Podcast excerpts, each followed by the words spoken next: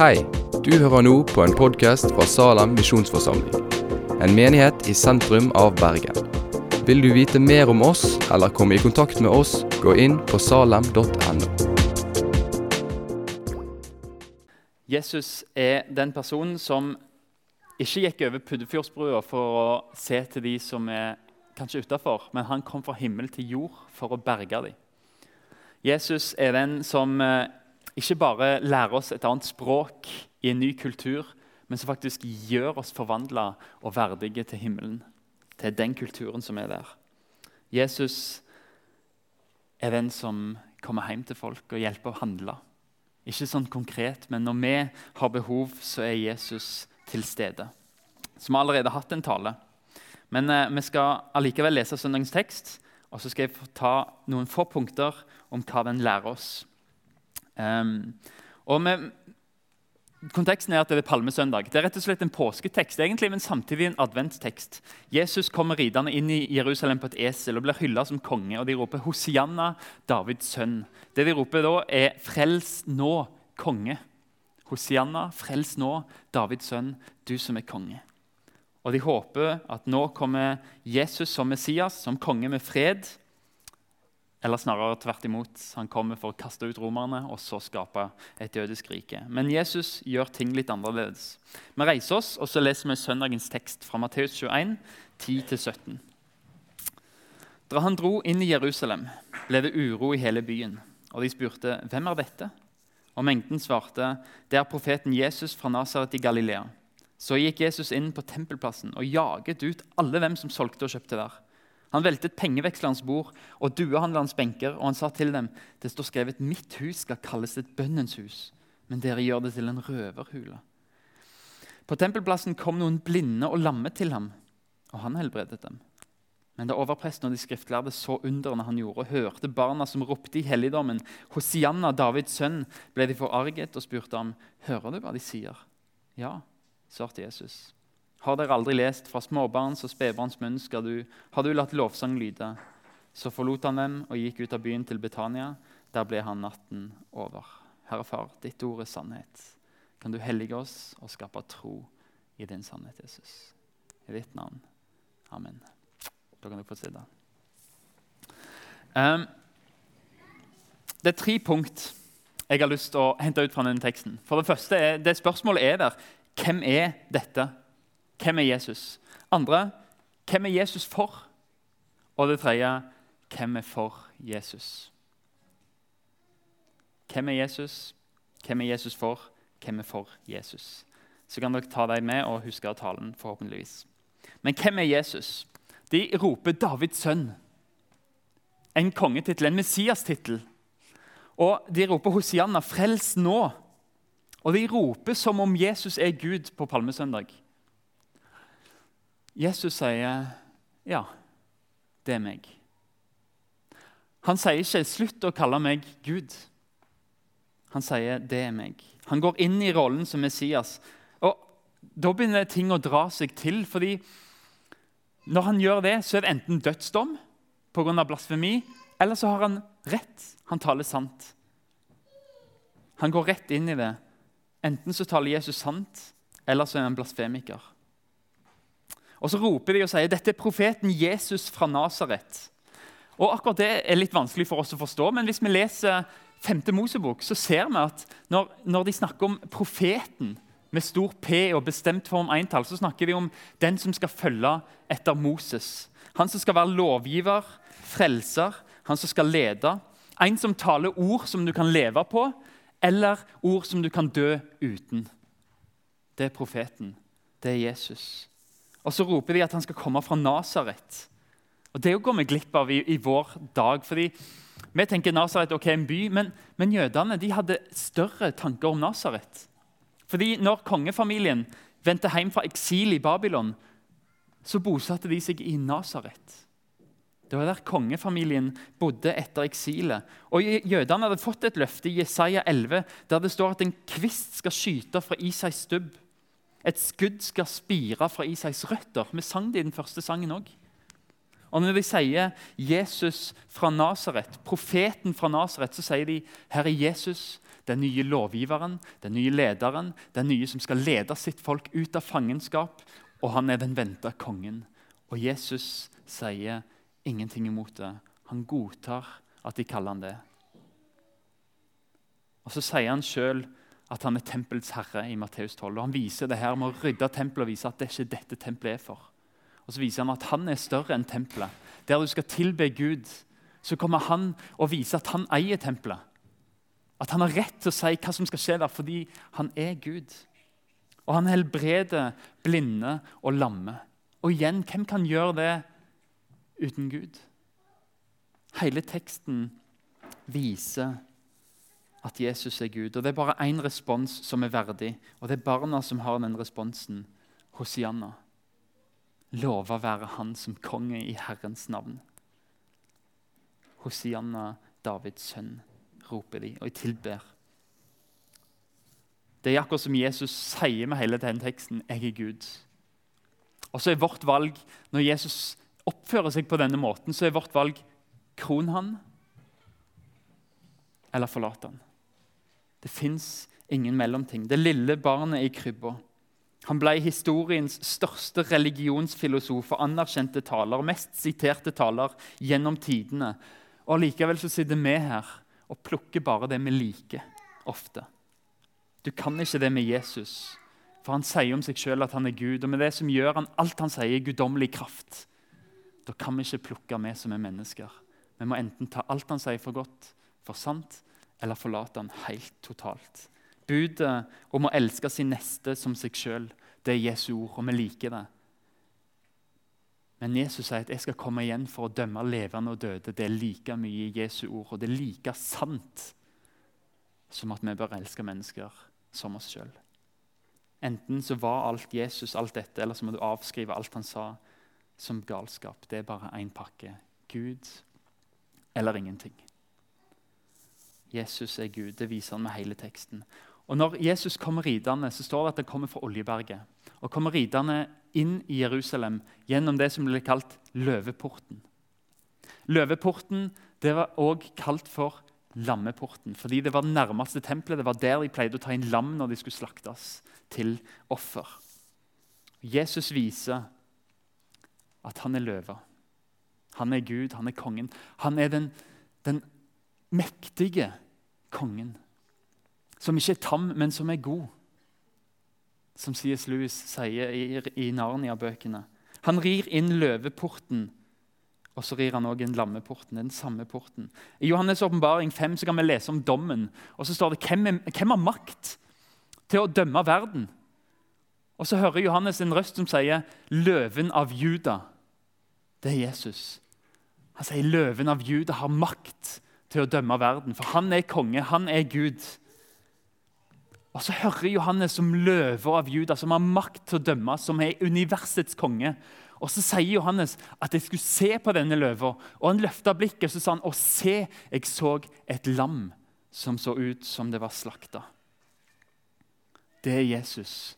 Han er løven av Juda, som har all makt, som er Gud, som kan dømme, men som òg er lammet som ser ut som det har blitt slakta. Jesus er makten og æren, han er kongen, men han er òg nåden og barmhjertigheten. Det er samla i én og samme person, Jesus, som har makt til å dømme, makt til å frelse.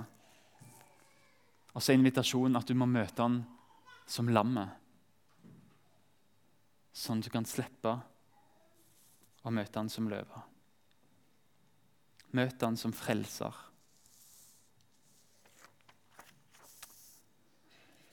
Det er Jesus. Punkt 1. Hvem var Jesus? Eller hvem er Jesus? Punkt 2. Hvem er Jesus for?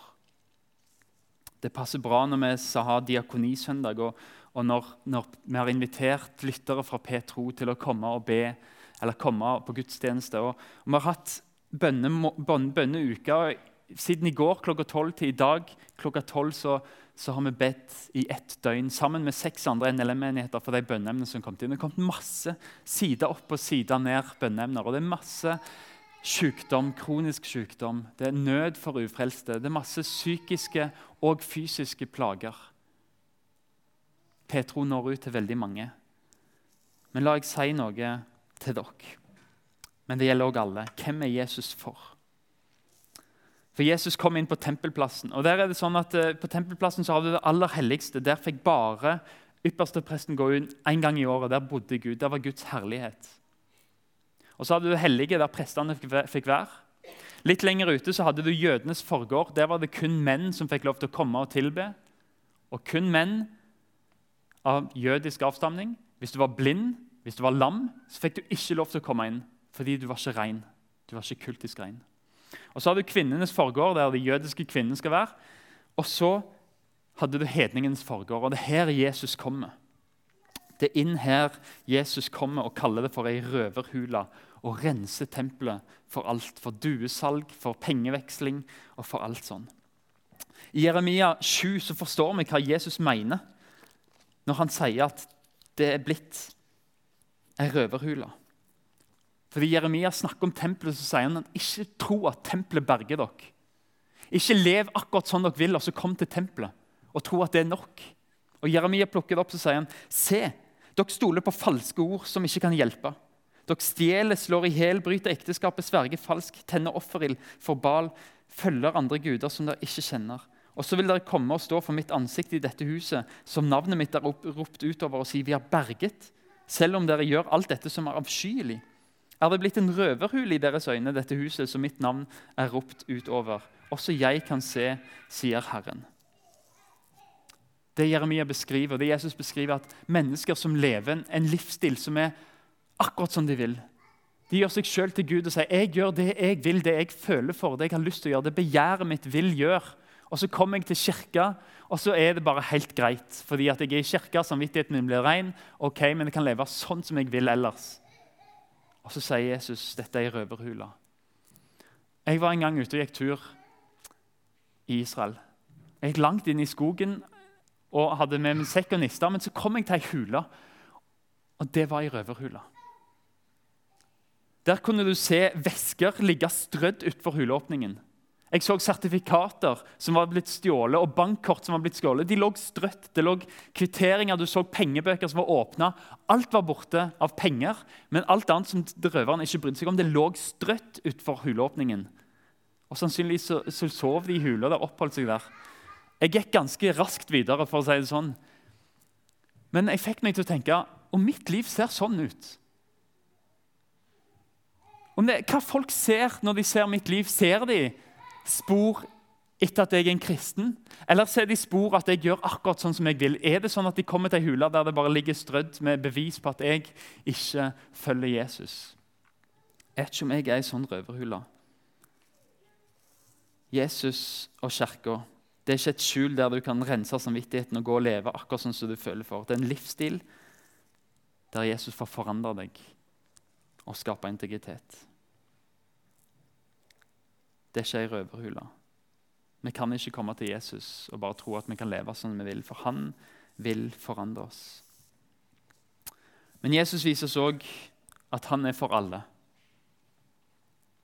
Jesus viser at han ikke er for en elite. Salget på tempelplassen de solgte offerdyr inne der. Og det, De hadde skrudd opp prisen noe veldig på offerdyra inne på tempelplassen. Og Problemet var hvis du kjøpte et lam utafor for en tyvendedel av prisen og tok det inn i tempelet, så sto det vakter med tempelporten som sa nei, de skulle sjekke men dette er ikke godt nok, det er halvt, det er ikke bra nok til å gi til Gud. Du får ikke lov til å ofre dette. Du må kjøpe et inne her, for det er man godkjent. Og så måtte de betale mye mer for offerdyra. Men Jesus viser at dette er ikke greit. Prestene fikk profitt av denne handelen. Og de ble kritisert for å ha altfor høye priser på duer. Ei due kunne koste ei halv dagslønn, men de tok 30 dagslønner inne på tempelplassen. De skrudde opp prisen noe veldig. Og så sier Jesus stopp. Kirka, tempelet, jeg, Jesus, er ikke for en elite. Alle har mulighet til å tjene Jesus. Det handler ikke om hva du har råd til å kle deg av for å gå i kirka. Det handler om om du vil komme for å tilbe ham. Jesus viser det òg med, med, å helbrede de blinde og lamme. De som ikke fikk tilgang inn til jødenes forgård. De kommer til Jesus, blinde og lamme, og så helbreder han dem. Og så viser han med det at de òg skal inn. Det fins ingen som ikke er gode nok så lenge de kommer til Jesus, for han gjør oss gode nok. Han tilgir oss og renser oss. Til og med barn fikk lov til å tilbe. Det var kontroversielt på den tida. Jesus rydder tempelet, rydder hedningenes forgård. Og så viser han at her skal det ikke være handel. Her skal det være ro. For hedningene hadde ikke lov til å gå lenger inn i tempelet til å be. Og Det var så mye støy og så mye roping og så mye handel der at det, var ikke rom for å tilbe. Men Jesus rydder det vekk og så sier han dette skal være en tilbedelsesplass. Han gjenoppretter roen sånn at hedningene kan dyrke Gud slik som tempelet krever. Livet med Jesus det handler om å rive ned skiller fordi vi tilber Gud. En ren gudstjeneste eller en ren kirke det betyr ikke at deltakerne er rene eller perfekte, men at han som er tilhører ren, og som gir det til oss. Sin renhet, sin tilgivelse.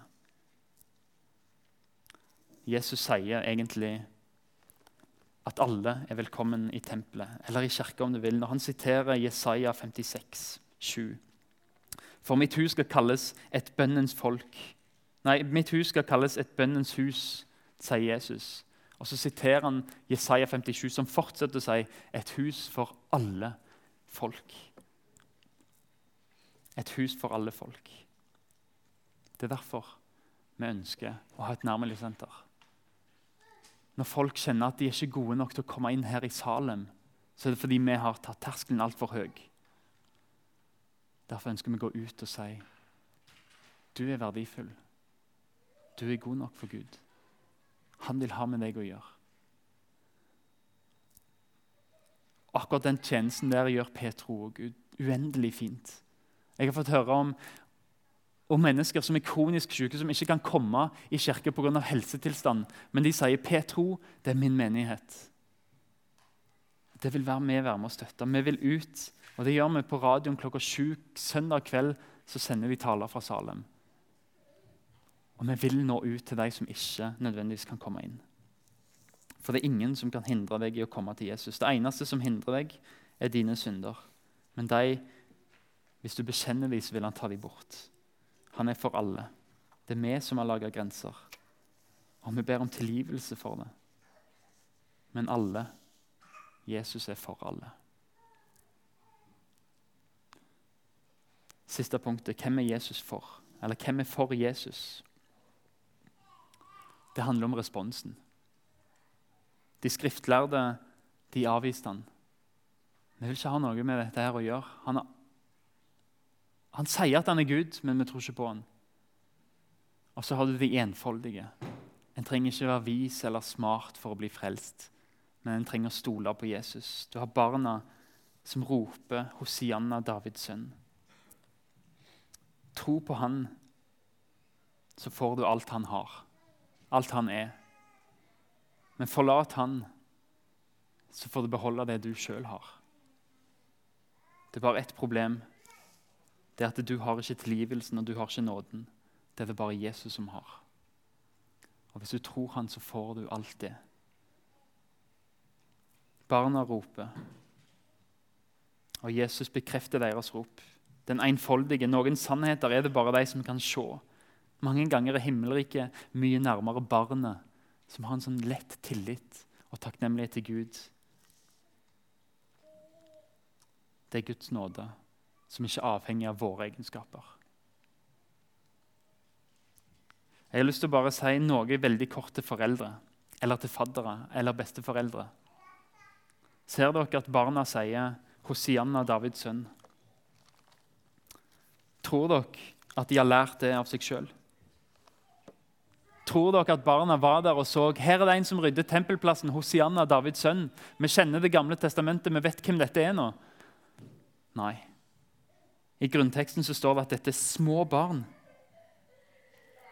Noen av de faktisk så små at de ble beskrevet som ammende. Og De ammer lenger enn det vi holder på med i dag, men det er små barn. Men, men foreldre, besteforeldre, faddere, se i Matteus 21, vers 9. Og mengden som gikk foran, og de som fulgte etter, de ropte Hosianna, Davids sønn. Kjære dere som har ansvar for våre barn som vi er så glad i. de ser dere. De kopierer dere. Det beste dere kan gjøre for deres barn, er å bruke tid i tilbedelse til Gud, i å lese Hans ord, i å be til Han fordi de ser det. Det er så mye viktigere enn en søndagsskolelærer eller et bra opplegg på søndagsskolen, fordi dere er med dem hele tida. Barna gjentar det vi sier. Det er derfor vi ønsker å ha trosbekjennelsen her før barna går til gudstjeneste. Flere barn kan trosbekjennelsen utenat nå. Det betyr ikke at de vet at de forstår, men, men de kan fortelle hva de tror på. Vi har lovsang før vi går til søndagsskole, fordi vi håper at barna kan se foreldre stå og tilbe og si 'Dette er min Gud', og lære av det.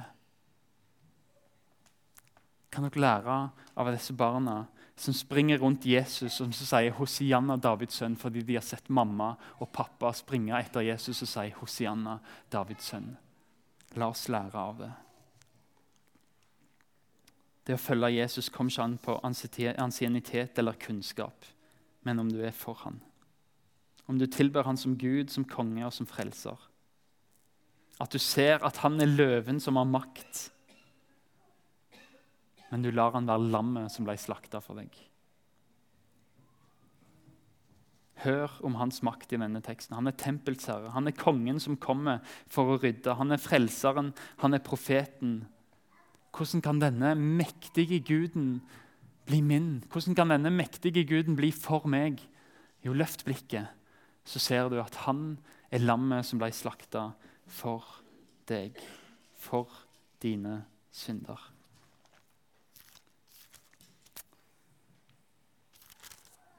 Sannelig, våre sykdommer tok han. Våre smerter bar han.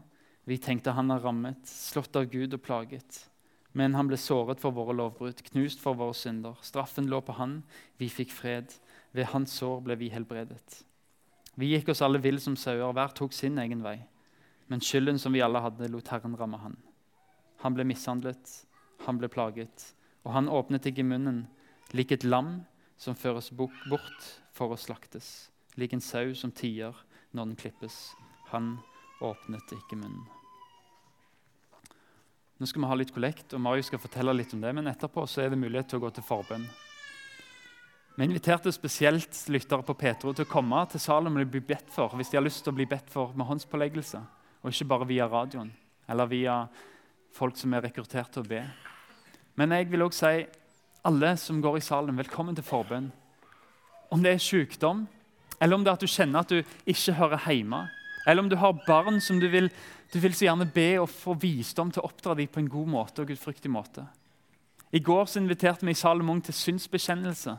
Og det var kø i forbønn. Vi måtte ha inn fire nye forbedere. Og jeg har lyst til å invitere dere også.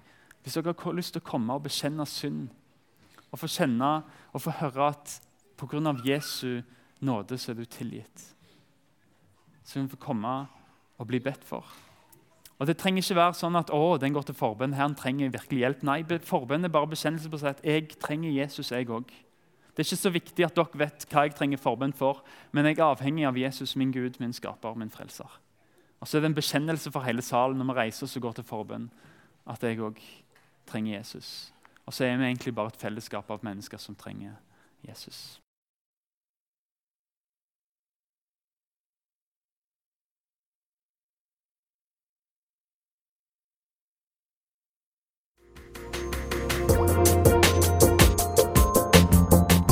Takk for at du har hørt på podkasten fra Salem, Bergen. I Salem vil vi vokse i et stadig dypere fellesskap med Gud og med hverandre. Vi vil være Jesu hender og føtter, og vi vil være med å forkynne frelse for Bergen og resten av verden. Besøk oss gjerne på salem.no om du vil vite mer.